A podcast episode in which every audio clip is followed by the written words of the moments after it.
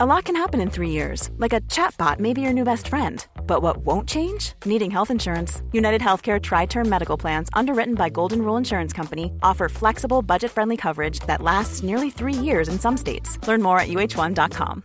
Everyone knows therapy is great for solving problems, but getting therapy has its own problems too, like finding the right therapist, fitting into their schedule, and of course, the cost. Well, BetterHelp can solve those problems. It's totally online and built around your schedule. It's surprisingly affordable too. Connect with a credentialed therapist by phone, video, or online chat, all from the comfort of your home. Visit betterhelp.com to learn more and save 10% on your first month. That's BetterHelp H E L P. Many of us have those stubborn pounds that seem impossible to lose, no matter how good we eat or how hard we work out. My solution is PlushCare. PlushCare is a leading telehealth provider with doctors who are there for you day and night to partner with you in your weight loss journey. They can prescribe FDA-approved weight loss medications like Wagovi and Zepbound for those who qualify. Plus, they accept most insurance plans. To get started, visit plushcare.com slash weight loss. That's plushcare.com slash weight loss.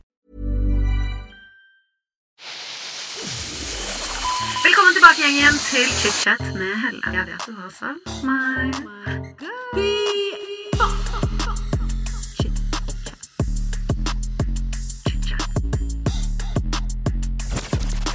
I dag får jeg håndballegenden Frank Løke inn i studio. Frank som sagt, kjenner du sikkert fra håndballbanen, hvor han har spilt strek for Norge i mange år og spilt over 150 landskamper. I dag skal vi ikke bare snakke om hans eh, proffkarriere på håndballbanen, men vi skal også grave litt i oppveksten hans. Hvordan det var å vokse opp i Tønsberg med seks andre søsken, og hvordan livet hans var etter proffkarrieren. Frank har jo fått eh, en del kritikk for eh, hans opptreden i Borat-drakt på Skal vi danse, og eh, var mye snekkerier også etter han var med på Farmen kjendis. Og jeg lurer på hvordan dette har påvirket livet hans i ettertid, og hvorfor han har valgt å være så kontroversiell på både Se og Hør-gallaer og forskjellige PR-stunt han har gjort opp gjennom tidene, med bl.a. musikk og musikkvideoer. Vi må jo selvfølgelig også touche innom at han har besteget Mount Everest og K2 de siste to årene. Dette er jo helt sinnssyke bragder, og jeg lurer på hva som driver denne mannen. Han er kontroversiell, annerledes og gønner på, og jeg gleder meg til å snakke med Frank i dag. Bare hopper i det, vi. Frank Løke, velkommen til chit-chat. Takk, takk. Godt å se deg. Takk. Hyggelig å se deg òg. Du, jeg, vi snakket litt om det, men altså, du er så sprek. Fordi du har jo farska meg løpt ut i studio. Vi spiller inn sent, klokken er jo åtte på kvelden, og du ringte meg og var sånn OK, jeg er litt sen. Og eh, jeg er på Solli, hvor han tar bussen, og det endte med at du bare løp bort. Og når du først kom hit, så tok du ikke heisen opp. Du, du løp også opp alle etasjene. Vi er i åttende etasje. Du, du forteller det som det er noe helt sinnssykt det jeg har gjort. Det var åtte etasjer, og trappa er til for å brukes, tenker jeg. Og det, jeg føler at uh, mennesker nå, de blir Enten så blir de latere, en del mennesker blir latere og latere, mens noen blir sprekere og sprekere. Så det er viktig da å bruke trening i hverdagen. Og Altså- trappene er her, så jeg syns du skal begynne å gå trappene. Det er akkurat det jeg skulle si. Jeg kommer til å gå trappene nå. Hver gang jeg ser de trappene, så skal jeg bare tenke på det. Og så kommer jeg til å gå trappene. Men i dag skal vi jo snakke om livet ditt. Ja. Og eh, vi tar det helt fra starten. Du ble født 6. februar 1980 i Tønsberg. ja. Eh, Kan ikke du fortelle litt om dine tidligste minner fra oppveksten din i Tønsberg? Jeg ble født i Tønsberg. Jeg veide 4995 gram, så det er sagt. Jeg var en stor, stor gutt. Og det skulle vise seg seinere at jeg blei også. Eh, Vi er, en, jeg er nummer tre av en søskenflokk på sju. En stor familie. Fem gutter, to jenter.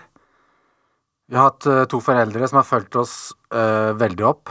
To sterke foreldre som har vært, stått der for barna under hele oppveksten. Uh, vi har vel ja, vi har tre, tre landslagsspillere i, i, i familien. Vi har en eh, forsker, vi har en psykolog, vi har en uh, data, datakar, og vi har en, en uh, filmskaper. Så vi har alt mulig, og så har vi en sosionom.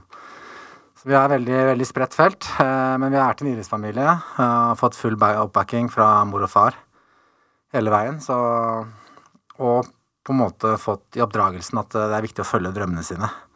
Og at uh, sky, er, sky is not the limit. Det, det, går utover ut i galaksen og ut i hele Melkeveien. Så det har jeg fått under oppveksten. At uh, sett deg håret til mål, og, og, og gjennomfør er så fantastisk. Ja. For noen dedikerte foreldre dere må ha. Hvis alle syv har fått det altså bra til, og sånn som du sa, det tre av dere har jo vært veldig høyt oppe i håndballen, som vi også kommer tilbake til. Mm. Men uh, for noen foreldre?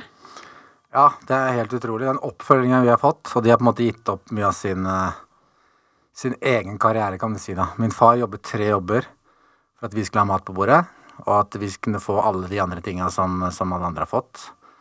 Og Vi kunne være med på idretten, og vi mangla aldri noe. Og mor var hjemme og passa barna, og hadde en enda verre jobb. Fordi å passe syv barn, sånn som oss, så det var en utrolig vanskelig jobb. Så Og til den dag i dag så er det å få fantastisk oppbacking hjemme. Fra jeg var liten til nå å stå på verdens tøffeste og farligste fjell, så har jeg fått Det er takket være ene alene mine to foreldre, mor og far, som har uh, vært mine største støttespillere hele veien. Og superforeldre vil jeg kalle dem. Og all honnør til dem. Ja, nei, det skjønner jeg. Mm. Oh, hvis jeg noen gang får barn, så håper jeg at mitt barn snakker sånn om meg. Det er jo ja, helt Ja. fantastisk. Er de fortsatt sammen? Vi er fortsatt sammen. Ja.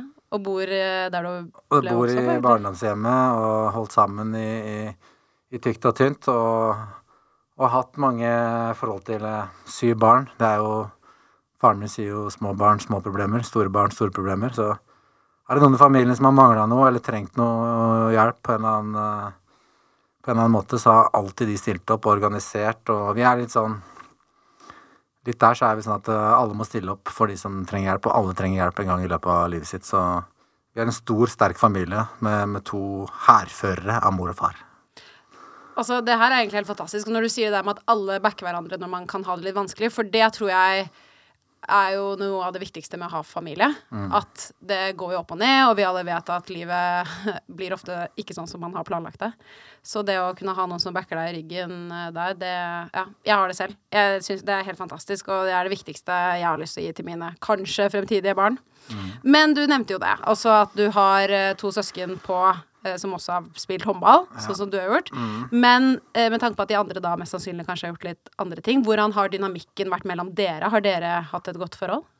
Ja, vi har hatt et veldig bra forhold, eh, egentlig med alle, så så det var i tidlig alder var det på en måte jeg av guttene som, som blei den sprekeste og, og den som dominerte, da. Og da på en måte, da ga de andre seg litt, og fant andre felter de kunne være sterke på, da. Så blant annet han ene broren min eh, Vi har egentlig alle kunne vært på landslaget i håndball, vil jeg si. Det var så, så mye talent og så mye bra gener. Men når jeg blei den eh, tydelig, ganske tidlig den sterkeste, så på en måte ga de andre seg litt. Eller de fant andre felter, da, som, som skole og én ting, da, og utdannelse. Jeg hadde jo spesielt han ene broren min eh, fokus på, og, og forsker. Han ble forsker, og, og så, så vi, har- de fant sin ting å hevde seg på, og dynamikken mellom oss nå er egentlig utrolig bra. Eh, vi lærte verdien av å dele. Vi, vi var en sammensveisa gjeng. Det var mye slåssing. Eh, grunnen til at søstrene mine har blitt så gode på håndballbanen, er at de har hatt fem brødre. Vokste opp med fem brødre. Det høres heavy ut. Beina, beinhardt fra dag én. Det var litt morsomt på, på fjellturer. Vi kunne ikke dra til Syden. For eksempel slippe oss der løs der nede. Det kostet mye. De kunne ikke slippe oss løs. Og det var litt morsomt, fordi Vi sier litt om Heidi, da. Fordi vi var på fjellturer. Faren slapp oss løs. Nå kan dere løpe, gutter. Og vi herja i fjellene, norske fjellheimen. fjellheimen. Og, og alle måtte Hver gang vi stoppa, alle måtte ut og pisse. Og alle, alle ut og pisse, alle sto på rad og sto og pissa, også Heidi, da. Hun sto og pissa, hun også. Så hun ble beinhard. Amazing! Ja. Åh, amazing. Du er jo en mann som virker Altså, som vi alle kanskje egentlig vet, du har jo helt sykt mye energi. Du hadde det også som barn da, vil jeg tro, og inn i tenårene. Hvordan var tenårene for deg? Tenårene for meg var egentlig bestående av trening. Trente veldig mye. Jeg var veldig aktiv. Jeg var fotball- og håndballgutt. Det var litt med turn. Og så, var det litt løping med, med, med far. Veldig aktive. Så det handla egentlig om aktiviteter. Fra det var skole. Jeg var veldig flink på skolen òg. Jeg var eh, var den beste, beste var med å være best i alt. Så jeg var best på skolen, jeg var best i idrett. Jeg var barnestjerne, da. Så jeg var, kom fort inn i håndballen og fotballen og dominerte med en gang. Og Så du spilte fotball også? spilte fotball, ja. Og grunnen til at mange sa til meg at jeg kunne valgt fotball òg, men eh, jeg kom jo så fort på A-landslaget, juniorlandslaget i håndball, så kom det til sånn punkt der jeg måtte, måtte nesten velge en av de, da. Når du da var, bare var på sånn uh, kretslagvariant på fotballen, så, så blei det lett å velge håndball når du spilte med flagget på brystet. Så, Ja, det skjønner jeg. Ja, så, men jeg kunne sikkert vært en uh, fotballspiller hadde jeg satsa på det. Så Jeg elsker at du er så confident. Når var det du begynte å spille håndball? jeg begynte da jeg var ti år. Når var det Altså, du har jo hatt den villeste håndballkarrieren. Jeg spilte håndball selv også i mange år, så jeg husker alltid at når man er kid ikke sant, og uh, ser på folk som løper rundt, og du har jo skilt deg veldig ut ehm, på banen og hatt en veldig sterk posisjon som en veldig god strekspiller. Eh, men i 1999 ble du norgesmester i håndball med idrettslaget Runar. Mm.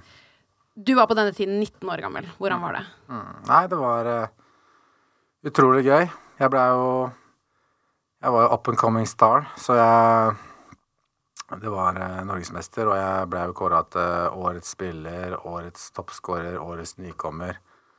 Alt mulig årets. Så jeg tok jo rubbet og spilte min første landskamp på, med landslaget.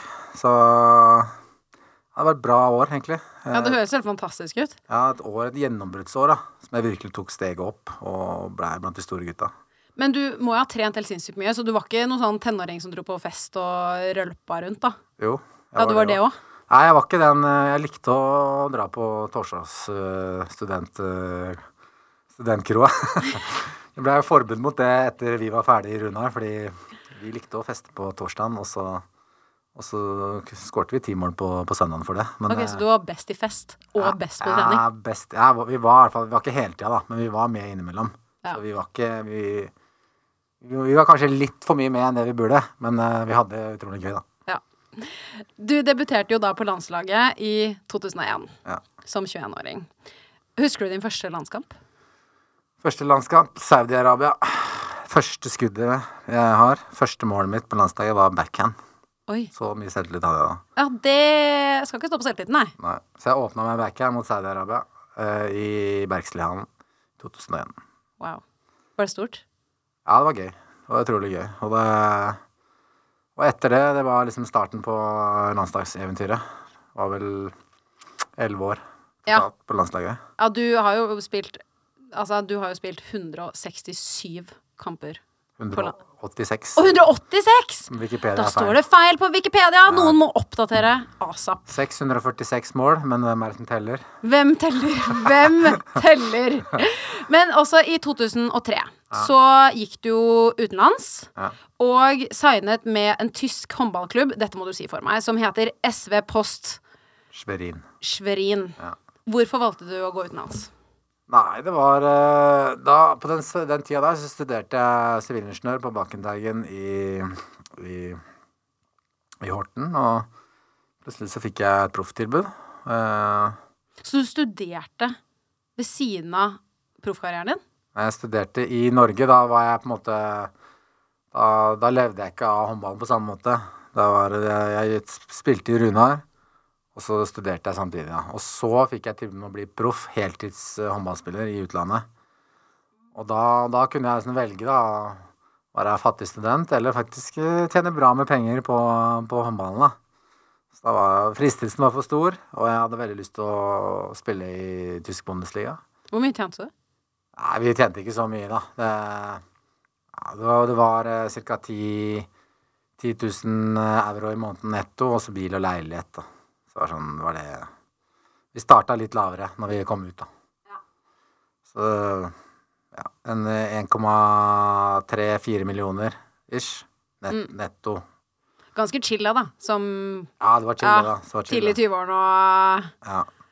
Men, eh, men eh, ikke noe fotballendinger, men eh, du kunne i hvert fall ha det, ha det greit, da. Og så kunne du leve av hobbyen din. mm.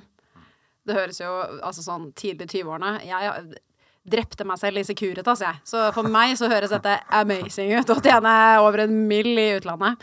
Men du har jo vært i en rekke forskjellige klubber i annet Tyskland og Danmark.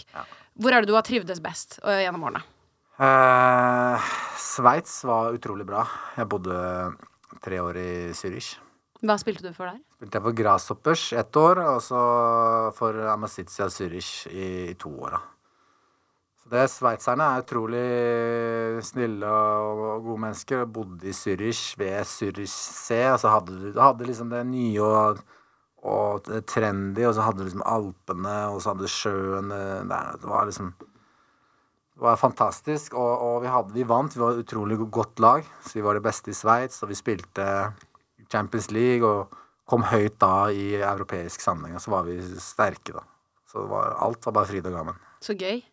Fikk du Altså, det må jeg lure på når du nevnte det i sted, sånn med tanke på at du får lønn, får du da leilighet og bil og sånne perks i kontrakten når man spiller, eller er i utlandet som oftest? Ofte så gjør det som utlending, da. Så er det på en måte ting du gjerne ønsker å forhandle inn i kontrakten. At Ja. du får litt goder, da.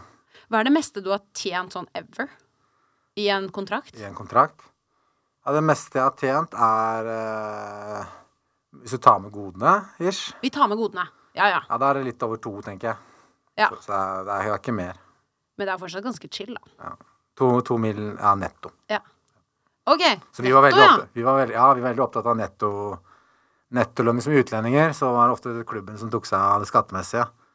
Så, så Ja, for da skatter du jo til sikkert landet du Skatter For du du bor jo der, selvfølgelig. Så netto er jo det viktige. OK, det er selvfølgelig makes sense, men du kan jo, hvis du snakker da, kan du doble det da, hvis du tenker deg i norsk Ja. sammenheng. Så vi sier fire mil brutto Norge. Fire mil brutto. Ja. OK, men i 2009 Ja. så gikk du til jeg kommer sikkert til å si dette feil igjen. Eh, RK Zagreb etter først å ha skrevet kontrakt med danske Skjern håndball. På grunn av dette så ila jo The European Handball Federation deg en bot på 10 000 euro, og suspenderte deg fra de internasjonale klubbkamper i ni måneder for å ha skrevet under to kontrakter. Hvordan var den situasjonen? Ja, Wikipedia har mye feil, altså. Så- Ja, er det det? Ja, det er bare OK, fortell meg. Ja, Fortell fordi- meg, faktisk. Jeg skrev en kontrakt med en dansk klubb som, som, eh, som da på direkte eh, nyheter i Danmark eh, tar og, og, og sier at de, at de er konkurs. Og de, den danske klubben satte meg i en vanskelig situasjon, som gjorde at jeg da måtte eh, Litt desperat handling. Signerte for en annen dansk klubb, så, som også hadde problemer. Som endte da at jeg til slutt valgte Zagreb, da. Og, og det, vi fikk ikke noe straff i form av at uh, vi ble suspendert. Det, I starten så ble det noe snakk om det, men de anka, så vi, vi fikk spille Champions League-kampene, og alt var på stell. da. Ok, Så du ble faktisk aldri holdt tilbake fra noen kamper i det hele tatt? Nei. Herregud. Noen, de som har skrevet Wikipedia, shame on you. Opp. I hvert fall landskampene kan oppdateres. Ja. Jeg tror målene er riktig. Kanskje. ja, kanskje. Kanskje. Påvirket denne situasjonen håndballkarrieren din videre? Nei. Nei. Egentlig. Fordi egentlig alle som var innblandet, visste hvordan situasjonen var, og økonomien til klubbene, så det var egentlig bare de, det er sånn de, liten sånn overgangsgreier som ble fiksa opp av noen, liksom. Og så var det media som blåste det opp, da. Fordi, Mm. Så ja, det var Jeg husker jeg, jeg, jeg ga nesten ikke å kommentere de tinga som sto feil engang, for alt sto feil, liksom. Så Men uh, ja. Og det gikk jo bra for deg. Ja, ja. Du hadde det jo supert. jeg var i Zagreb, jeg bare koste meg. Men med tanke på at du har spilt så mye i utlandet sånn, eh, Man tenker jo ofte da sånn meg her hjemme. Hvordan har det vært med kjærester og forhold til familie? Har du syntes at det har vært vanskelig med tanke på at du har bodd mye i utlandet? Nei, jeg hadde jo med meg ekskona mi. Eh, hadde jeg med meg i, nesten på hele reisen. Så vi var sammen fra første Vi var ute i tolv år. Oi. Så hun flytta med meg ut. Og så var vi ute i tolv år. Fikk to barn, og så kom vi hjem til Norge. Og så det var egentlig da jeg gikk til halvannet år, så skilte vi oss. Ja. Hvilket år var det? 2018, Ja. kanskje? Ja. OK. Ah, ja, fordi eh, når du kommer tilbake Ja, da vi skilt oss, ja. ja. Ja. Kom tilbake i 2016. Kom tilbake i Ja, fordi um, Ja, da er det feil på Wikipedia, for her står det at du kom tilbake i 2015. Kom tilbake 2015-2016. Og da begynte du å spille i Drammen håndballklubb. Ja. Der var det jo også en episode som skjedde. Da vet jeg ikke om dette stemmer heller. Men du ble avskjediget fra denne klubben på grunn av en fylleepisode. Ja. Stemmer det? Uh, ja, det stemmer delvis, men uh, denne episoden der, denne, det var et, Drammen var et luftslott, så det uh, som, som falt sammen. Så hvis man ønsker å lese om det, så står det nok artikler om det, og det, det viser seg at uh, Drammen som gjorde feil, rett og slett. Så, okay. ja. Ja. Fair enough. Du har jo da, i hvert fall uansett, som du sier, du har spilt 100 og Hvor mange var det? 80 Seks landskamper. seks landskamper. Hva er liksom det mest minnerike du har fra landslagstiden? Landslagstiden, ja. Det skal jeg si om det, da? Det er eh, Jeg spilte Jeg var egentlig ganske god på landslaget, da. Det var, jeg, var, jeg var en sentral spiller, i hvert fall i ganske mange av kampene. Helt til vi byttet trener, så var jeg veldig sentral og gjorde med, lagt mye spill rundt meg. Vi hadde kanskje på hjemmebane i 2008, så, så så ble jeg jo kåra til mesterskapets beste strekspiller, og det var veldig moro, selv om ikke vi laget ikke vant. Vi kom inn på sjetteplass. Vi var ganske nærme å komme til semien. Men jeg ble kåra til beste spiller, og 2012 var jeg på verdenslaget, så det var gøy. Så jeg var, de sier at jeg var Hvis du spør de som spilte på den tida, så var, gikk jeg fra å være den beste strekspilleren i verden fra ca. 2010 til Nei, 2000 til 2010. Men det var du. Det husker jeg. Alle som var interessert i håndball, visste det. ja. Ja, ja. Så jeg var veldig god, da, faktisk, på, på banen. Så, Det var du. Mm. I remember. Herregud, jeg føler jeg kan tenke tilbake på barndommen og bare sånn når du satt klistret og så, fordi jeg bare husker liksom Herrelaget deres da var så ikonisk. Mm. Jeg føler at det, det er liksom de beste gjennom tidene var på en måte på den tiden i det laget. Ja, vi hadde, vi hadde liksom Vi hadde profilene, vi hadde litt mange divaer. Jeg var kanskje en av de. Sånn, på, på en sånn måte at vi tok Ikke de var på den samme måten som Kjelling og Tvetten, som jeg sier. Men, men ja, vi, vi tok mye plass, og alle ville avgjøre. Ikke sant? Alle ville ha ballen. Jeg ville ha ballen. Jeg ville avgjøre hver kamp. Jeg, Det hadde ikke noe å si. Jeg dreit i om spilte treningskamp eller noe VM-finalen. Jeg ville avgjøre, og det var det flere som ville òg. Og vi, det var kanskje mer, litt mer meg-meg enn faktisk laget. Det er jo det som har kommet seinere tid. At det har gjort det så veldig bra. Vi var jo så langt ifra. Det er veldig lett å finne grunner til at vi ikke var det ene målet bedre, da. Fordi vi holdt, holdt på tre mesterskap på rad, så har vi ballen i siste angrep i tre kamper. Og hvis vi scorer, så er vi i semifinale. Og da spiller vi oss medalje, som de andre gutta gjorde. da. Vi var nesten landslaget, og, og en av grunnene til det var at vi var litt mye, meg sjøl inkludert, litt mye sånn ego, og tenkte at jeg vil avgjøre, istedenfor å gjøre sidemannen litt bedre. Det syns jeg er egentlig ganske kult av deg å innrømme. Eller at man har selvinnsikten til å kanskje se det. Ja, jeg, jeg ser det, at det var, det var grunnen. Så, men uh, man skal ha sånne spillere i laget òg. Kanskje ikke for mange av de. Du kan ikke ha Ronaldo og Messi på samme lag. Det går ikke, det. Nei, det er ja, godt sagt. Når man tenker over det, fordi ja, man må jo ha de, men ikke for mange. Ikke for mange av de. Så man har noen som har lyst til å avgjøre, men, men det kan ikke være for mange og, og litt mange som tenker på seg sjøl. Men i, i 2016 Ja. så la du opp håndballen. Eh, hvorfor følte du at det var et bra tidspunkt, eller hvorfor føltes det riktig? Jeg var egentlig mett før jeg kom tilbake til Norge, da. Jeg, jeg, håndballen den stimulerte mye av, av konkurranseinstinktet og det adrenalinet jeg fikk. Men jeg visste alltid at eh, det er ikke nok, da. Det var aldri nok. Eh, Men jeg ble tatt på en reise, en proffkarriere, i tolv år i utlandet. Var i mange forskjellige land, og så landslaget. Jeg ble stimulert, men jeg visste at håndball er 20 ganger 40 meter. Jeg har sett alle skudd, jeg har gjort alt. Og liksom ok, Jeg vant ikke så mye som søstera mi, men, men allikevel så Så jeg søkte nye opplevelser. Nye, ville, ville oppleve nye ting. Og så fikk jeg drømmejobben eh, hjemme i Norge. Som var, eller er, hva da? Ja, det er som uh, certification manager. Jeg jobber med test av godkjenning av bl.a. maritimt eh, radioutstyr og ATC radioutstyr. Jeg fikk bruke da Jeg er medlem av Mensa, det vet du kanskje ikke? Ja. eller? Nei, det visste jeg ikke. Nei. Nei. Så jeg er ganske smart, da. Jeg var veldig smart på skolen og hadde bare toppkarakterer hele veien. Så jeg fikk bruke huet mitt, da. Det blir ikke smartere å spille håndball. Da skrumpa jeg jo nøtta det inn. Så, men eh, nå, nå, nå er det veldig bra, egentlig. For nå, nå bruker jeg huet mitt fra åtte til fire. Og jeg gjør ting eh, som jeg trives veldig godt med. Å jobbe med sykt profesjonelle og veldig mye smarte ingeniører. Veldig mye smarte folk. Som jeg lærer mye av. Så det jeg har lært de siste åra, er å lytte etter mennesker som faktisk eh, Som først gir deg energi, og smarte mennesker som har vært ute en vinternatt før. Og det gjør jeg nå. Og her sitter rundt kontorene rundt meg er bare smartinger. Eh, genier. Så det er med på å løfte meg òg. Og det trives jeg veldig godt med. Det skjønner jeg så godt. Det er egentlig litt morsomt at du sier det, fordi jeg snakket med noen venner av meg om dette i går. At hvis det smarteste er å være den dummeste i rommet. Hvis du forstår hva jeg Ja. mener. Det å surrounde deg med mennesker som du kan føle deg litt som en underdog, men det er det smarteste du gjør, fordi at det kommer til å få deg til å heve din egen prestasjon. Jobbmessig, personlighetsmessig. Og det er jo litt sånn Mange vil kanskje si at jeg tenker feil her, men litt det der med at hvis du Tenker, henger du tenker så riktig. ja, for jeg tenker altså, Sånn for eksempel hvis du er en person som henger med folk som tjener mye penger, så blir du mest sannsynlig en person som tjener mer penger. Hvis du henger med folk som ruser seg mye, så blir du mest sannsynlig en person som ruser seg mye.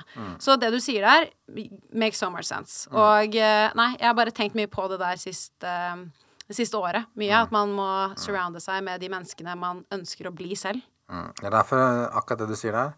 Hvis du skal bli bedre til å f.eks. løpe eller, sykle eller mye av det triatlon som jeg driver med nå, så er det ofte trene med folk som er bedre enn deg. Ikke sant? Så de er med på løftet, da. Så hvis du har noen økter med, med ordentlig flinke folk, så får du bra kvalitetsøkter. Så det rimer jeg med det du sier òg. Ja. Ja, ja, absolutt. Men eh, tilbake til, eh, til tiden i 2017, når du da ikke spiller håndball profesjonelt lenger. Eh, da ble jo du med i Farmen kjendis. Ja. Det var episk! Det må jeg bare si. ja, det er gøy, det. Eh, hvorfor valgte du å bli med i liksom reality-verden? Nei, jeg husker jo det alle liksom på, um, på gutta på landslaget, alle sa liksom at eh, Jeg var en veldig sterk profil, da. Og så var jeg veldig sånn direktetalende. Så alle sa til meg du må jo Du kommer garantert til å bli spurt om det ene og det andre. Og det, det skjedde jo da, ikke sant. Så det ble jeg med, av- med i Farmen og etter hvert andre ting også. Så um, det var også Farmen, konseptet. Jeg elska det, ikke sant. Og jeg gikk jo inn i rollen, jeg, 100 år tilbake, ikke sant og fokuserte på, på muligheten og, og, og ønska å leve meg inn i, i rollen, rett og slett. Ja, for jeg ser på deg som en ekstremt dedikert person. Så jeg føler at når du fikk den oppgaven, så føler jeg at du embracet det. Ville leve sånn, puste sånn, ånde sånn. Altså du bare Og, og lære mye av det også, da. Ja, ja. Og det var jo derfor du også kom mye i clinch da med Erlend Elias, blant annet. Jeg så et klipp av det flere ganger, hvor han ligger og sover, og dere står ute og jobber og svetter og holder på. Og det er sånn Til og med jeg blir frustrert. Altså Av å se på det. Jeg blir sånn Kom igjen, du kan ikke være lat. Og det er så irriterende og frustrerende. Jeg skjønner hvor du kommer fra når det kommer til det der. Altså, og så er det sånn, tenkte jo da i starten at nei, nei, du får prøve å svelge noen kameler, da, ikke sant? For folk er forskjellige, og de ønsker konflikt, og så prøve å holde seg, men til slutt så gikk det ikke mer, ikke sant? Du kan ikke ha folk som er rett og slett bare late og gidder ikke å bare klage på ting de ikke har, og fokusere på og rett og slett stygge mot eh, andre deltakere. og og stygge mot uh, produksjonsteam og sånne ting. Så nei, det, en, det er en grense. Altså, han tråkka langt over den grensa, og det Da kan, kan TV-show og konkurranse være konkurranse. Jeg driter i det. altså. Jeg gidder ikke å være sammen med sånne idioter. De må i hvert fall få høre at de er idioter. Og det Jeg kan kalle en idiot en idiot. Uansett uh, farge, uh, legning eller, eller hva faen, liksom. Så Ja, det, det, var, det gjorde meg ordentlig hissig, sånne folk, da. Som er bare freeriders. Og det liker jeg den dag i dag også. Sånne mennesker som, som, som bare ødelegger og gir meg negativ energi. De bare Kast, blokk tillit. De bare får jeg vekk av livet mitt. da Sånne mennesker gidder jeg ikke å være sammen med. Ja, men det er jo bra, det. Det er bra, det. Da kommer man jo dit man vil, i hvert fall. Ja, det er Ja. Mm. akkurat det man gjør. Man kommer framover. Og ingen, ingen bremser. Ingen de siste åra. Bare alle mine bremser, de er vekk, liksom. De, de, har ingen, de er ikke med, eller de, de driter jeg i. Jeg vet ikke hva som skjer med de heller. Jeg bryr meg null om det. Det er virkelig, når du virkelig, da Det er veldig mange, mange mennesker der ute som sier at Nei, jeg bryr meg ikke om hva, hva alle andre sier. De som sier det, ofte, det er de som virkelig bryr seg om hva alle andre sier. Det er det eneste de bryr seg om. Det føler jeg også, det du sier der. Når du virkelig gir faen, hvis du har googla, lest og fulgt med meg Det har du sikkert ikke fulgt med meg hele karrieren, men hvis du virkelig har fulgt med meg, og jeg har vært jeg, har, jeg er jævlig Det får jeg tilbakemelding på. Jeg, på min Insta og sosiale medier så jeg er jævlig original. Jeg har alltid, alltid kjørt det jeg mener, og, og noen ganger så bommer jeg selvfølgelig, jeg, men jeg gjør det er min greie. Det er min humor, det er mitt opplegg. Jeg lar meg aldri ingen skal fortelle meg noe som helst. Noen forteller meg at nei, det der kan du Jo, jeg kan gjøre akkurat hva jeg vil. Du bestemmer ikke om meg. Jeg kjører min eget opplegg. Jeg setter mine egne grenser. Og det har jeg kjørt hele veien. Jeg elsker det. Altså, jeg snakket faktisk med en kollega av meg på kontoret. Du møtte henne i sted. Josie. Mm. Vi så på ting du har gjort, og det er jo liksom alle skal ha liksom overskrifter, og hei og du har jo blitt snakket mye om. Mm. Men vi var jo litt sånn Det er en originalitet her som vi ikke mm. ser så ofte i Norge. Fordi at alle skal liksom ja, vi skal legge ut like bilder på Instagram, vi skal mm. være så perfekte, polished. Mm. Mens du gir jo litt faen, fordi mm. jeg ser du har hatt en idé, du tenkte det var gøy, og da bare gjør du det. Fordi magefølelsen din ja, ja. sier at du skal det. Ja. Men da må jeg også bare følge opp med Hvor kommer Action-Frank fra? Hvor kommer det navnet fra? Det er jo sånn, Egentlig så er det helt dust, men det var Dennis Vareide. Ja. Uh, YouTube-Dennis, som uh, Dennis og Pritz. Det er han som uh, som døpte det navnet i Farmen. Fordi da var jeg så aktiv og så mye action, og jeg ville Og vi hadde meg og Staysman og Dennis og han Stian og Pål Anders. Vi ble liksom en, en, gruppe, da. Vi jobba bra sammen. Det var lite drama. Og, vi, og, jeg var veldig på at vi skulle liksom jobbe, da. Få gjennom ting. Og, og det var mye action med meg hele tida. Han kalte meg Action-Frank, så sa han at det, det Og så blei det bare værende, da. Og så har vi liksom brukt det nå etterpå, da. Så er det jo så jeg blir jeg litt mobba av 42 år og kaller det Action-Frank. Men eh, det er blitt en morsom greie, òg. det er action. Det, er, det er virkelig Jeg lever opp til navnet da, når du bestiger Everest og, og K2 og det ting jeg har gjort nå sist. I tillegg til karrieren min og gull, gullplatevinner. Jeg håper det står i papirene dine at jeg vinner gullplate. På den uh, På uh, Action Frank-sangen. Ja! Mm. Det er så ikonisk. Jeg kommer mm. til det. Men den ja. videoen og den musikkvideoen Ja, det er til julesangen. Det er julesangen? Ja. Oh my god, I love that shit. Altså, jeg dør for det. ja. Jeg synes det er så ikonisk. Men før sangene så må vi touche innom Skal vi danse. For i 2018 så ble det jo ekstremt mye skriverier. Når mm du skulle tråkke på parketten i en cha-cha-cha, og du var kun iført da, eller du gikk egentlig i en dress som du dro fort av deg, hvor du da viste frem nakenkropp, holdt jeg på å si, i en glitrende rød Borat-drakt. Yes. Og på grunn av dette stuntet ja. så ble du jo eh, kastet ut til og med av Skal vi danse. Og du fikk også kansellert det showet du egentlig skulle ha etter det, som het ja. Eh, Kjendis søker kjæreste. Det var jeg litt glad for, faktisk. Ja, jeg tenkte på det når jeg leste, så var jeg sånn Åh, jeg skulle ønske at det programmet hadde kommet. Det hadde vært så lættis. Ja, det hadde vært Man kan føle seg etter ti minutter. Der hadde jeg faktisk slitt Man Ja. Kan bestige et fjell, det kan jeg. Ikke sant. Ja. Men med tanke på denne, dette stuntet, ja. hvorfor gjorde du det? Hva var tanken din bak det? Nei, jeg gjorde det egentlig fordi jeg er konkurransemann, da. Alt jeg gjør, så er det konkurranse. Det, det er, og jeg visste jeg kommer aldri til å vinne Skal vi danse. Hvis ikke jeg klarer å få gutta boys til å stemme på meg. Hvordan klarer jeg det? Det er et, det er et danseshow. Danse, Dansing er én ting, og show er et annet. Hvis jeg la fokus på show, det betyr at uh, hvordan skal du få de til å stemme som alle stemmer? Du må gjøre noe, du må sjokkere, da. Og sjokkere folk. Og jeg hadde gjort et par ting med, med Boraten. Og, og tidligere har løpt et, et maraton borte i Bergen som var for 10 000 mennesker, og det var bare synssyk stemning.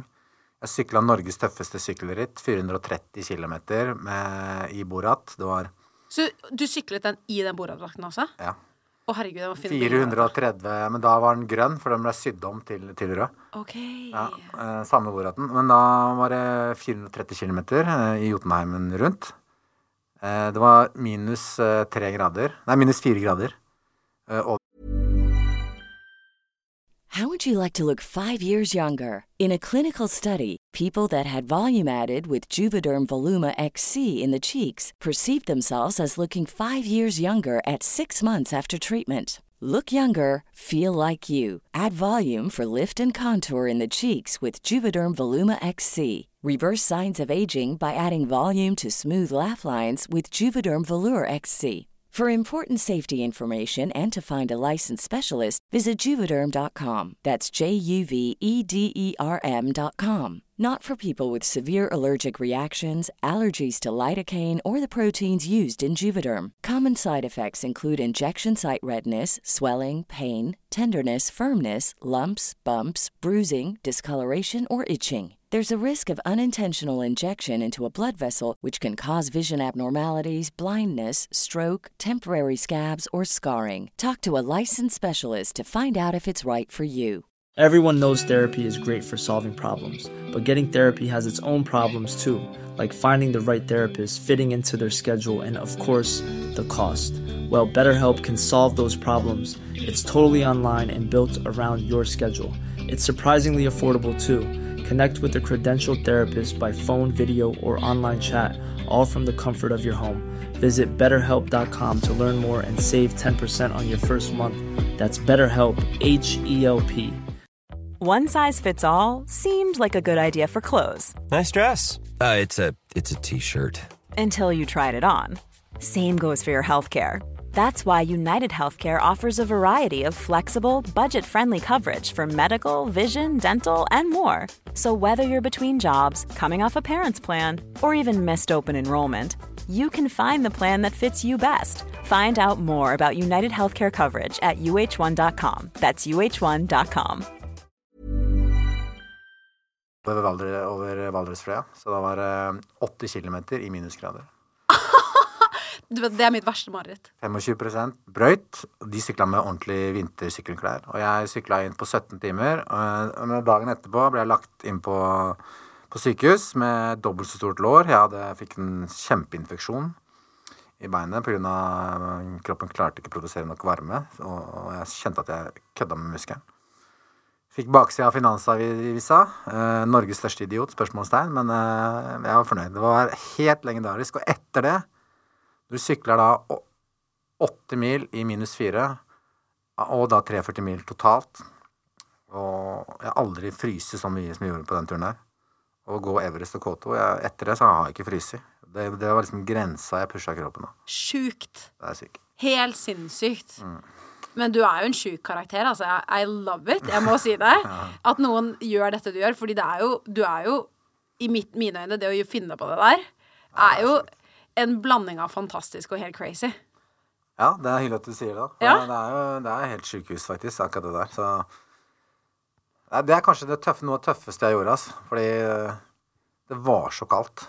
Og kroppen min Jeg var så kald at jeg klarte ikke å holde en kaffekopp på Det var et checkpoint etter Valdresfløya. Jeg klarte ikke å holde kaffekoppen. Ikke med én hånd, ikke med to hender. Ikke når jeg lente meg inn i et hjørne engang, så klarte jeg ikke å drikke kaffe. Men da selv etter du ikke klarte å holde det, så satt du der fortsatt på sykkelen med tanke på at dette var et stopp, Ja. og syklet videre. Ja. Altså, den psyken din, den er jo insane. Ja, men, Har du jobbet mye med din egen syke, eller er det bare stamina fra helvete, liksom? Nei, det er det at eh, når jeg gjør sånne ting, da Da finner jeg ut Jeg har alltid hatt lyst til å presse kroppen min og se hva jeg kan oppnå. Og når jeg gjorde det der, så da pressa jeg den så langt kanskje jeg kunne. Fordi jeg ble litt redd dagen etterpå når jeg så at beinet mitt eh, For først hadde jeg frostskader på, på låret. Jeg var solbrent på, på ræva. Hadde borat-chille i, i rumpa pga. Den fikk jo 14 timer, eller 12 timer med høyfjellssol. Som jeg aldri fått sol før. Jeg kom inn på akutten i Tønsberg med Jeg hadde frostskader på låra, og jeg hadde, var solbrent på ræva. Og jeg hadde et lår som var dobbelt så svært. Så da, de, når, I starten så var de jo superseriøse, men etter hvert så skjønte de greia, da, at ikke det var så farlig. Og da holdt de på å le seg i hjel når jeg lå på magen der og med, med det bordet Det skjønner jeg. Du må ha gjort uken deres til de på det der sykehuset der. Ja. Herregud. Men angret du noen gang i etterkant på det, det Skal vi danse-stuntet, med tanke på at du ikke fikk være med mer? Nei, jeg gjør egentlig ikke det. For jeg husker folk da spurte meg, og jeg skapte, jeg gjorde akkurat det jeg ville, da. Fordi Og så visste jeg liksom sannheten, da. Jeg visste jo hva som var, egentlig var sannheten her. Og det var jo humor, og så, og så var jo Tone med på det. Og hun var det. Ja, ja. Men det kom jo på en måte aldri fram, da. Og det, det eh, Og så det Ja, det, Ja, for hun har liksom uttalt seg litt sånn i media om det, at hun på en måte ikke visste noe. Og da tenker jeg sånn, da, er det jo, da var det jo litt sånn for hennes del. Men så tenker jeg hvis hun visste om det Er ikke det weird da? Men det var, ja, det var litt sånn weird, fordi ja, det, er- det er, det er, vi har jo sagt, Jeg har sagt de tingene her tidligere, men vi, hun, hun, vi øvde jo det på dansestudio. Hadde med Boraten og trente med det og holdt på. Men, men, men hun, Og så hadde jeg den ikke på meg under, så alle skulle se det. Og jeg ville jo ikke at produksjonsteamet skulle se at jeg hadde den på. Så hun, hun visste at den kunne komme, og så, og så kom hun. Og så, og så kom vi på dansestudioet på mandag på trening. Og så hadde jeg med en, en kvast, da, en unnskyld, og så filma vi det, så det var greit. Men jeg var, tenkte jo da ikke sant, konkurranse, så jeg, vi- blei jo enige om, da Det var jeg som kom med ideen at vet du hva, Tone Hun sa til meg først at det første hun sier, Frank, det du gjorde var genialt når kameraene ikke var der. Hun hadde fire brødre, og alle var enige om at vi hadde ryket. Hadde ikke jeg kjørt eh, showet, ikke sant. Da hadde vi ryket. Da det hadde bare vært en sånn gammel eh, En sånn eh, avdanka, stiv håndballspiller. Nå gikk vi all in, og vi, vi kom videre, og så sa hun det. Og så sa jeg til henne at nå har vi alle søvn. Vi fikk oppmerksomhet, oppmerksomheten, for det vi skulle ha. Vi skulle ha oppmerksomhet. Oppmerksomhet. Det er PR-stunt gjort right. Yes. Absolutt. Ja, ja, ja. folk de, de stemte på de, de Halvparten delte seg, de stemte på det beste, og mens resten stemte på oss. Og alle midt imellom fikk jo ingen stemmer. Ikke sant? Da kunne hvem som helst trykke. Så jeg har jo hørt ryktene etterpå at jeg fikk dobbelt så mange stemmer som nummer to. Så det var helt vilt med stemmer på meg, ja. Så jeg har fått uh, inside fra, da. Og så, sant, Da gjorde jeg det riktig. Og så, uh, men i hvert fall, vi ville beholde oppmerksomheten på oss, da. Og, og da sa jeg til henne at du du kan ikke tilgi meg nå. Nå må det være en sånn tension hele uka, da. At nei, du tilgir På mandag så er vi litt uvenner, eller liker meg ikke på mandag, og tirsdag så er du litt tvilsom, og onsdag så kanskje. Og så på torsdag så tilgir du meg. Så får vi liksom saker hele uka nå. For alle snakka Alle, hele Norge snakka om det. ja, det var overalt. Ja, Ja. Dagbladet, VG, Ja, det var all Så alle, over. ja. Du fikk alle til å snakke om det dagen etterpå. Fra om du var eh, 14 år eller 60 år. ikke sant? Og så, Det var det som var planen, da. Men så sklei det jo helt ut. ikke sant? Og det kom jo kronikker om det ene og andre. Og liksom, og så, hallo, vi hadde trent på det, og TV 2 hadde filma det sjøl, og det var jo på nyhetskanalen rett før hele dagen før det kom ut. Vi får se om Boraten kommer i kveld, og så ser jeg at jeg står og danser i Borat med Tone. Men da syns jeg, jeg det, er skikkelig stygt gjort av TV 2 å fronte det sånn. For TV 2 var, gikk jo helt i forsvar og bare Vi visste ikke noe. Vi ante ingenting. Ja. Dette er Frank sin greie all by himself. Liksom akkurat som om du Men, men, men egentlig nå, da, så er jeg, jeg, sånn, jeg er liksom skværa opp med TV 2, så jeg er veldig sånn Vet du hva, hadde ikke det der skjedd Så jeg, sånn, jeg, jeg, angrer, jeg angrer ikke på, på ting jeg har gjort, og jeg angrer bare på ting jeg ikke har gjort. Men akkurat den tilfellet der hadde ikke, hadde ikke det der skjedd, da Så jeg er liksom Jeg var på God morgen og God kveld Norge nå på TV 2, som jeg, jeg med TV 2 er sånn Vi har gått videre, ikke sant? Jeg bærer null nag og? Jeg, det, var- det, det trigga noe hos folk, da, og folk tolka det litt feil. For for meg så var det bare humor. Altså, Jeg mente ikke å gjøre noen noe vondt, eller noe sånt noe, men, men folk tok det litt annerledes. En periode da man hadde veldig fokus på metoo og sånne ting som, som senere ble fjerna fra artikkelen, for det hadde ingenting med det å gjøre. Men, men, eh, men eh, og Hadde ikke jeg blitt kasta ut der, hadde ikke jeg laga sang, og hadde ikke jeg laga sang, så kanskje jeg hadde vært på noen andre oppdrag og, i TV eller et eller annet. da. Jeg fikk jo rødt kort litt fra TV.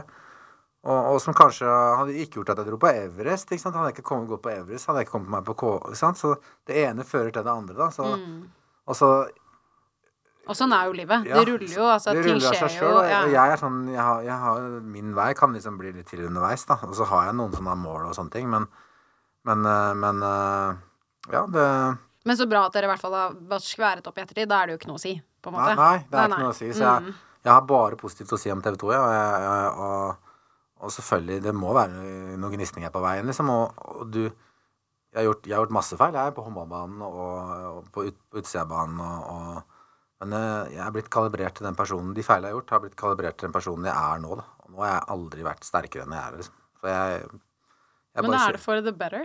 Da er det jo bra. Ja, ja. Mm.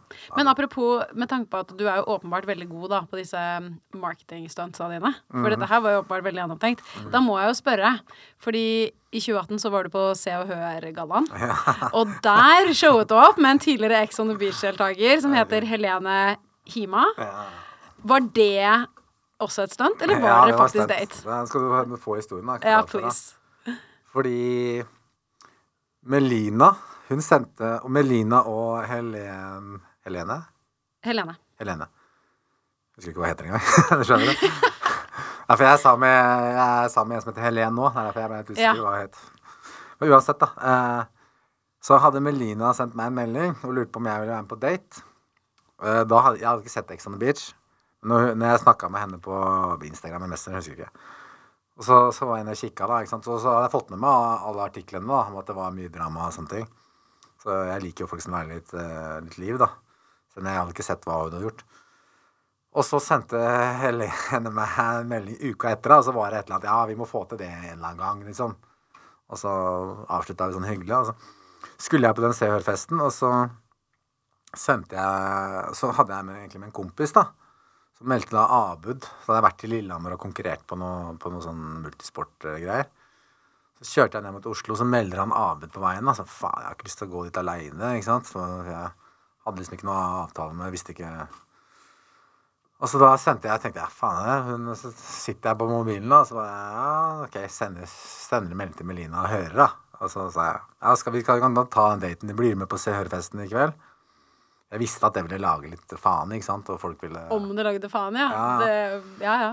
Og så, og så sa Melina, nei, faen, hun kunne jo veldig gjerne, men hun var, i, hun var jo i Bergen. Og så sendte jeg, gikk jeg på, ok, da tar vi jo andre. Men- Bare tok neste!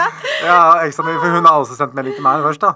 Så sendte jeg det her. Blir du med på festen, da? Så jeg visste at liksom, det var, de var jo veldig hotte, de òg da, i forhold til masse greier. Hatt Ja, rett ut fra Exxon Beach. og- Ja, og ja, ja. var for noe.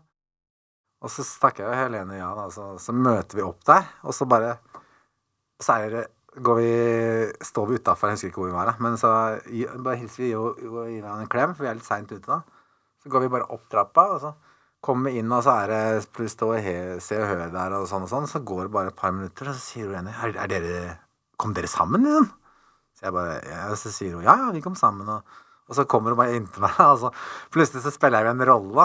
Jeg, liksom, så, Så det var ikke planlagt? Dere bare mega-impro? ja, mega-impro. Det var dritmoro. Og så, og så sier hun bare Ja, alder er bare tall, liksom. Og så plutselig så ene står vi der og prater bare bullshit, og så plutselig så står vi og kliner, da. Det er sånn Jeg kliner på TV. Det var sånn wow. Men det var jo bare skuespill, da. Herregud, kan jeg bare si at den impro-greia her, med tanke på at dere tok det så på sparket, egentlig en sykt sexy ting.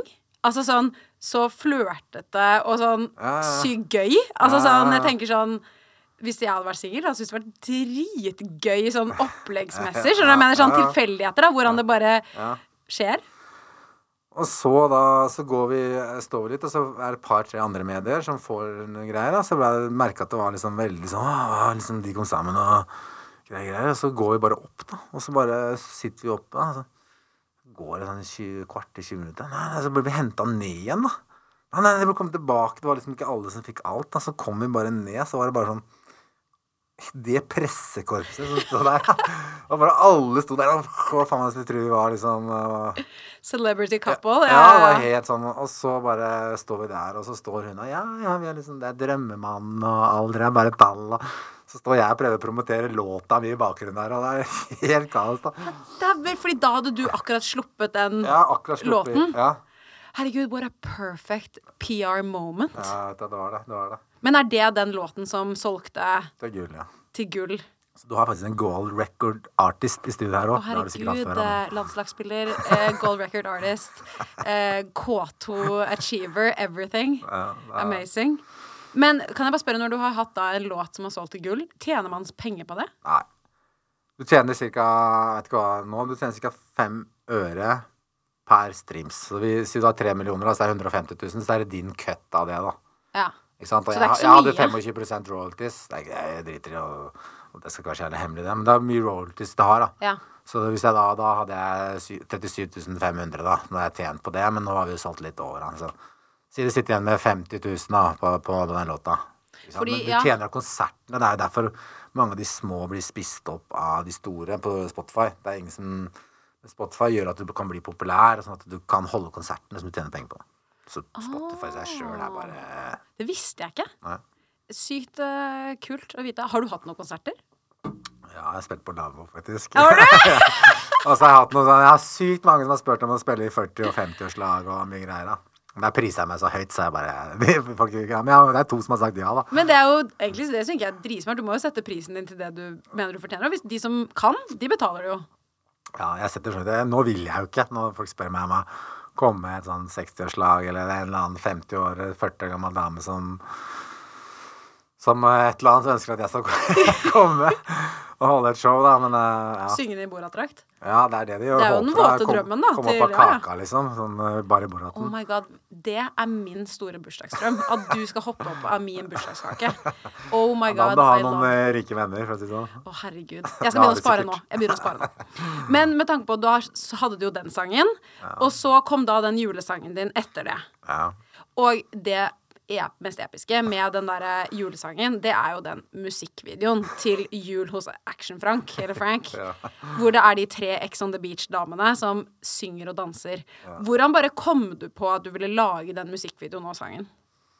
Jeg veit ikke. Sånn, eh, jeg tenkte at vi må ha en ordentlig video til den eh, Til den eh, musikken, da. Så da bestemte jeg meg ok, vi må ha med ja- ja-gutter. Jeg, har- jeg har mange ja-gutter, altså.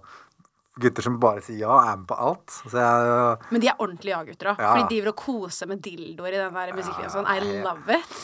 Det er helt sykt. Og, og det var liksom Og det syns jeg passa veldig bra akkurat da, fordi folk er, var så jævla hårsåre på, på kvinnesyn og sånn. Du får ikke noen som er mer opptatt av, opptatt av lik, likestilling enn meg, da. Jeg er veldig opptatt av likestilling. Det er veldig gøy å kødde med, med folk òg, da. Så ble han veldig sure på at vi dro opp tre Ex on the Beach-damer av sekken, eh, sekken til nissen. Ja, selvfølgelig.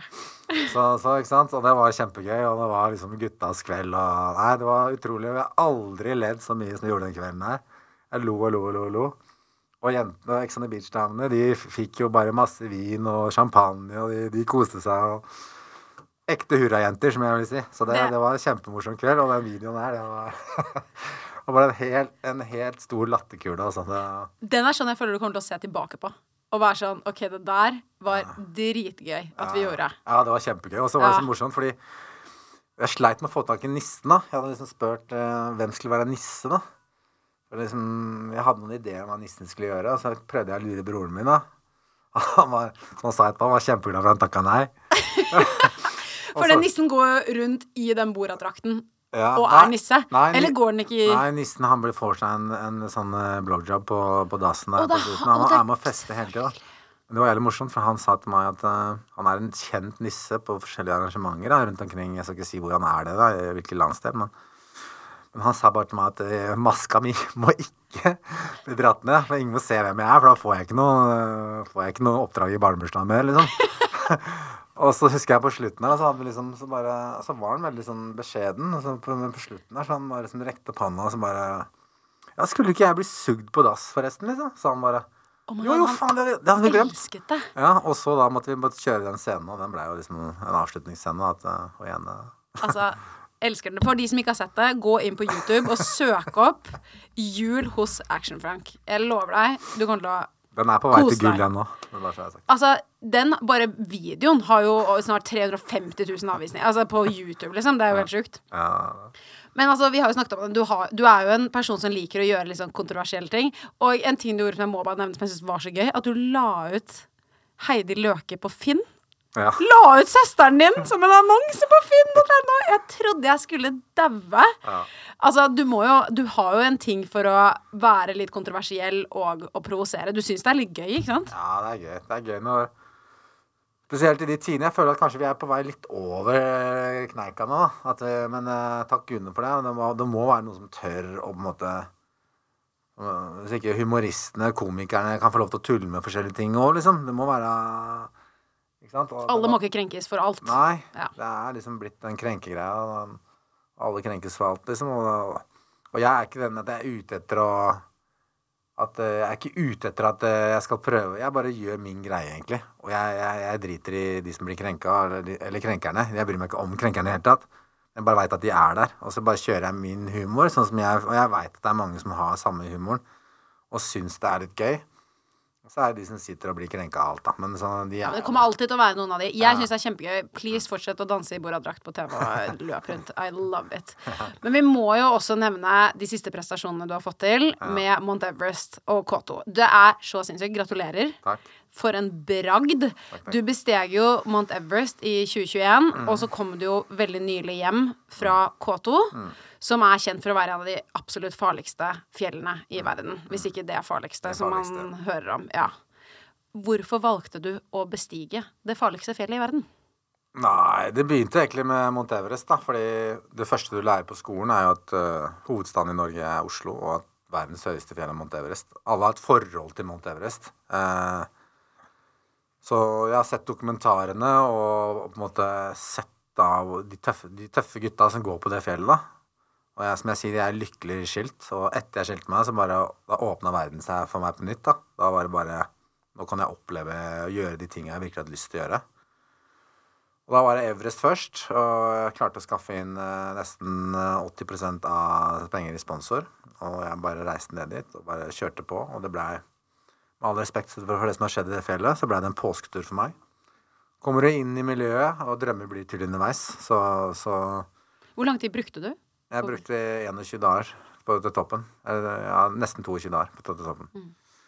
Norsk rekord, så bare så det er sagt, fra, fra Lukla. Eh, ingen har gått så fort opp noensinne fra, fra, fra flyplassen der. Jeg brukte lengre tid på å komme meg hjem faktisk enn jeg brukte, brukte opp, for det var jo lockdown i, i Nepal, og koronaen herja. Eh, og så da kom jeg inn i det miljøet, så er jo ikke Everest er jo ikke det tøffeste og farligste fjellet.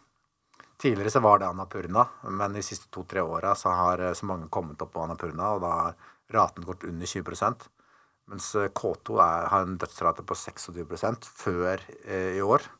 Så hadde én av fire kommer ikke tilbake. Oh, jeg bare, når du sier det, bare setter det seg i brystet. Det er, det er en helt sinnssyk statistikk. Ja, den er syk, faktisk. 80% av de som dør, de dør på vei ned. Det er flere faktorer til det. Det er Én ting er at du er sliten, utmatta, du kan gjøre feil. Det er eh, rasfare, eh, og det er vær og vind som snur. da. Ikke sant? Du kan kanskje gå når det er fint vær, og, så snur det. Men eh, ikke sant? hvorfor ta KT? Jeg får det spørsmålet hele tida. Du har to barn. Jeg har to, to jenter på 8 og 16 år. Hvorfor utsetter du dem for det? Og det er sånn, For noen så gidder jeg ikke å svare engang, fordi hvis ikke de skjønner det, så skjønner de ikke. Men hvis jeg er med folk jeg liker og ønsker å svare på det, så jeg føler at jeg liksom skal på en måte rettferdiggjøre det, da, så kan du starte med å si at det, de som er der nede, det er skilte egoister, som jeg sier. 95% er skilte, og, og de er superegoister. Når det er sagt, så er det også noen av oss har drømmer. Og du, det er flere måter å vise barna sine eh, oppdra barna sine på. Du kan sitte hjemme i, i sofaen og prompe med hånda i potetgullposen og si, fortelle dem at du kan gjøre hva du vil. Og bare sitte der og se tomt ut i lufta. Eller du kan faktisk gå ut og vise barna dine. Og faktisk oppfylle dine egne drømmer og vise dem at det er mulig. da. At alt er mulig. At alt er mulig, og faktisk gjøre det. Og gjennomføre. Det er så jævlig mye folk som prater rundt omkring nå og sier at de skal gjøre ditten, de skal gjøre datten, bla, bla, bla. De gjør, ikke, de gjør ingenting. Jeg går ut og gjør det, og jeg viser barna mine det at uh, alt er mulig. og jeg har fått den støtten sjøl, og fått den oppdragelsen selv. Jeg sa, mor, og- mor og far var litt skeptiske til at jeg dro, men jeg sa det er deres skyld, da. Dere har oppdratt meg på den måten her. så liksom sky's not the limit, som jeg sier nå. nå er- den er, den limiten går mye høyere enn det. Så og så visste jeg det at hvis jeg ryker, så er eh, ekskona og hennes måte, del og liv videre er veldig trygt. Ja, for dere har en god relasjon? God relasjon. Og hennes liksom Barna mine hadde vokst opp og hatt det veldig bra. Hvis jeg hadde, hvis hadde mista livet, da.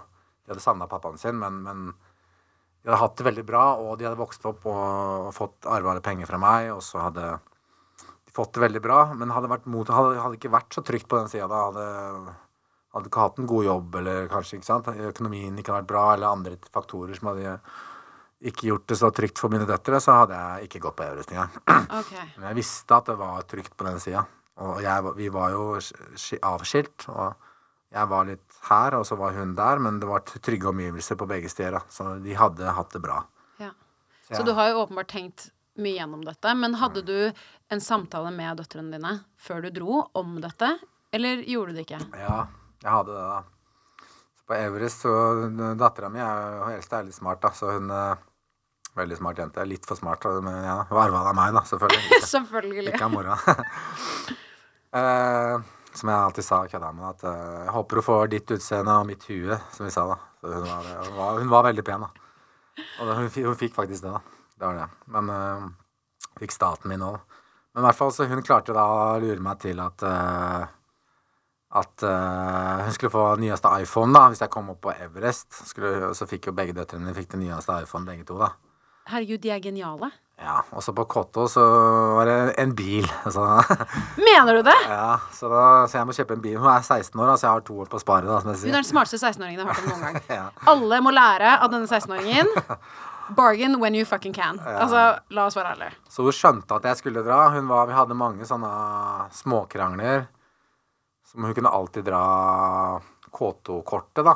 At du skal jo dra på K2, liksom. Og, og da ble jeg litt sånn Ja, men eh, Så da ble jeg litt reservert, og på en måte hun var lei seg, hun var eh, aggressiv, men, eh, men eh, til syvende og sist så, så hadde jeg aksepten hennes, da. Men det kosta meg en bil. Men eh, Og så var det ett øyeblikk som jeg kanskje gjerne vil fortelle om. Det var jo på, på K2 på 8000 meter. Da ligger jeg på camp 4. Det er 35 sekundmeter ute da. Og det er og, mellom storm opp og mot orkan. Vi måtte holde oss fast i teltet. Jeg var sikker på at vi skulle bare blåse vekk. Og så får jeg låne satellittelefonen til eh, Kristin Harilla, en annen norsk dame som bare var her nede. Så sier hun bare til meg, Frank, du kan eh, få lov til å ringe hjem, liksom. Så jeg bare, du kan få lov til å ringe dattera di. Og da ligger jeg da på 8000 meter, og jeg veit jeg skal At det kanskje er min siste samtale med dattera mi. Og, og, og de som dør, de dør nå de neste tolv timene. Så det er der mest kritisk det er. Så skal jeg snakke med henne. Så hadde, hadde, eh, I huet mitt så tenkte jeg at eh, Jeg hadde lyst til å si at eh, hvis noe skjer nå, Ada, så må du bare følge drømmene dine. Du må ta vare på lillesøstera di. Eh, ikke la noen fortelle deg hva du ikke kan gjøre og oppnå og sånne ting. Og hadde bare lyst til å rose henne og sånn og sånn. Men jeg, da hadde hun skjønt opplegget, da. Så jeg er utrolig sånn følelsesløs. Sånn eh, hvis du kan se på ansiktet mitt og for at det, det å vise følelser, da. Jeg har de samme følelsene. Men akkurat den der, da, da bare Jeg falt nesten sammen altså, jeg snakka med henne. Men jeg, jeg sa ikke de tinga, da. Jeg bare fortrygga trygga henne med at eh, vet du hva, pappa klarer det her, liksom. Jeg skal gå opp der og ned. Jeg, jeg kommer til å klare det. Easy-peasy. Du veit at jeg er stor og sterk. Og bare betrygge henne. Og, og Men det var eh, Og hun, hun følte Hun hørte at det var noe gærent med meg, da. Så at, men hun hørte på det jeg sa. Og ja. Nei, det var en spesiell samtale som var utrolig tøff. Og, men det ga meg utrolig energi. Jeg var sliten og fikk masse energi av å prate med henne. Og det var liksom Nå må du bare komme deg opp, og du må bare komme deg ned igjen. Og heldigvis så klarte jeg det. det Kosta meg en bil, da, så Så fint. Ja. Åh, det Åh, for et minne. Ja, det var vinne, altså. Det var, det var tøft. Og så på toppen da, i tillegg så fikk jeg også lånetelefon, da. Da ringer jeg til fatter'n, og bare Toppen, verdens farligste fjell, fatter'n, sa jeg bare, liksom. Og så bare Og de var på bobiltur, da, sammen med deler av familien, da, så det var liksom full jubel i, i, i bobilen der, da. Åh, tenk så stolt. Ja, det var liksom Ja, det var kul følelse, altså. Åh, den Og den gulrota der, liksom, den følelsen jeg fikk når jeg sto på toppen der, den var helt syk. Den følelsen jeg kom tilbake igjen Jeg visste at 80% turen er ikke over. Det er 80% dør på veien tilbake. Når jeg kom tilbake og var på en måte trygg i basecamp, da, da var det Og så da, da kommer alle folka ut av telta sine, for alle laga. Det var kanskje 400 mennesker her som kommer da ut og, og gratulerer. Da. Vi var førstemann opp etter de som satt i taua. Jeg var førstemann opp. Vi var førstemann tilbake i basecamp. da. Og alle gikk ut og håndviste på deg. Da. Det var helt sykt. også. Det er den sykeste opplevelsen jeg har hatt. Og stolthetsfølelse. Folk spør om det var verdt det. Bruker 600 000, eh, syv uker, og du venting, og du ser folk dø rundt deg. På nabofjellet mista fire livet. På K2 mista Det var et bra år. Det var bare fire stykker som mista livet. Så folk spør om det var verdt det. Det er all respekt for det som skjedde på det fjellet, og, og alle som, eh, alle som mista livet og sånne ting. Så, så var det, var det verdt ass. Det var en ut, utrolig følelse. Og jeg jakter etter den følelsen igjen. da. Klarer jeg å finne den igjen? Vi får se. Jeg... Ja, vi får se. Det her virker jo som et av de mest sinnssyke øyeblikkene jeg har hørt om nesten hele livet mitt. Altså sånn Jeg åpenbart kan jo ikke sette meg i dine sko, men for en opplevelse. ja, det, var helt, det var helt rått. Og så Nei, det var, så skal du Hvordan skal du overgå det der, da? Og det var, jeg, hadde, jeg hadde alle på lag, det var det som var greia. For det, en ting jeg lærte meg, da vet du, skal ha, ha snakke om sånn motivasjon og hva er det som motiverer deg til å gjøre ting. da. Så det jeg gjorde da, som jeg fant ut da, det, Litt etterpå fant jeg det ut, fordi jeg på, på K2 så sa jeg hver eneste dag at jeg, jeg skal på, på K2. Jeg, på K2. jeg trente, jeg gikk jo Birken i, i bokseren, Northug-bokseren, i minus fem grader. Jeg hadde masse sånne ting som bare var helt dust på trening. Men det, det herda meg. Jeg sykla ikke en tur under, ti mil. Løp langt. Jeg var med på alle konkurranser. Var med på nesten, ja, var med et sted mellom 45 og 50 konkurranser det året. Syk, sykkelløp på, på lørdagen og vanlig løp på søndagen. Og, så. og det at jeg hver eneste dag fortalte at jeg skulle på K2, gjorde jeg det. Jeg fortalte alle hver dag. Og nei, nei, du skal ikke på K2. Du sa mora mi og faren min og dattera mi og de på jobben og, og vennene mine, liksom. Du kan jo ikke det, liksom. Det er jo for de tøffeste gutta, og det, du har jo ikke noe klatreerfaring. Jeg sa det hver eneste dag. Alt jeg gjorde, var for K2. Og til slutt, da, så bare plutselig så var det sånn Ja, faen, skal jeg liksom dra opp K2? Tenkte jeg noen ganger. da. Faen, liksom, det er jo det er, det er risky business. Skal jeg virkelig gjøre det? Så plutselig så, sa jeg, ja, så snakka jeg med folk, og så sa jeg du, du drar jo nå om to måneder du vet på K2. Så alle rundt meg sa, fortalte meg at jeg skulle på K2 da. Det var sånn Ja, faen, jeg, jeg, alle Jeg hadde printa det inn i huet på dem. Og når de folk begynte å fortelle meg Faen, jeg skal på K2. Så hvis jeg Og hvis det var et par ganger jeg tenkte meg om, så var så til og med mora mi hadde strikka K2-genseren. Hun som har vært så imot det. Egen K2-genser. Og brukt da tre uker på å strikke K2-genseren til meg. Wow. ga, ja, så var det sånn Du skal jo på K2 nå, Frank. Så, så bare, akkurat som det var den mest Naturlige tingen i verden. tingen, ja, ja, ja. Og da bare Fy faen, det her, jeg må jo Jeg skal på må- K2, jeg, liksom. ja, nå måtte du, liksom. Ja, så måtte jeg bare. Så, så det bare å gjøre det, da, det var sånn ah, helt avgjørende for meg, egentlig. At jeg, at jeg stakk på K2, da. Fordi Ja, wow. alle rundt meg fortalte meg at jeg skulle jo. Da må jeg det. Men deilig å føle at du har det støtteapparatet i ryggen nå, da. At Ja. når du først skulle dra på en så sinnssyk reise, at du var litt sånn OK, jeg vet i hvert fall at de vet om det. De supporter det. De syns det er litt vanskelig, og det skjønner man, men at de har hørt min side av det og forstår at det er viktig for deg, da. det må ha vært deilig for deg å, å vite det, fordi jeg kan ikke se for meg at man kan gå mot en så stor utfordring og så ikke Want to get a chiseled look in the jawline? Sculpt and shape your jawline with added volume from Juvederm Volux XC. Juvederm Volux XC is an injectable gel specifically designed to be robust enough to improve moderate to severe loss of jawline definition. And it is the first and only hyaluronic acid filler approved for the jawline. Add volume to your jawline for a chiseled look with Juvederm Volux XC. For important safety information and to find a licensed specialist, visit juvederm.com. That's J U V E D E R M.com. Not for people with severe allergic reactions, allergies to lidocaine, or the proteins used in Juvederm. Common side effects include injection site redness, swelling, pain, tenderness, firmness, lumps, bumps, bruising, discoloration, or itching. There's a risk of unintentional injection into a blood vessel, which can cause vision abnormalities, blindness, stroke, temporary scabs, or scarring. Talk to a licensed specialist to find out if it's right for you. Visit juvederm.com. That's J U V E D E R M.com. Even when we're on a budget, we still deserve nice things. Quince is a place to scoop up stunning high-end goods for 50 to 80% less than similar brands. They have buttery soft cashmere sweaters starting at $50, luxurious Italian leather bags, and so much more. Plus, Quince only works with factories that use safe, ethical, and responsible manufacturing. Get the high-end goods you'll love without the high price tag with Quince. Go to quince.com slash style for free shipping and 365-day returns. Imagine the softest sheets you've ever felt. Now imagine them getting even softer over time. That's what you'll feel with Bowl and Branch's organic cotton sheets. In a recent customer survey, 96% replied that Bowl and Branch sheets get softer with every wash. Start getting your best night's sleep in these sheets that get softer and softer for years to come. Try their sheets with a 30-night guarantee. Plus, get 15% off your first order at bowlandbranch.com. Code BUTTERY. Exclusions apply. See site for details.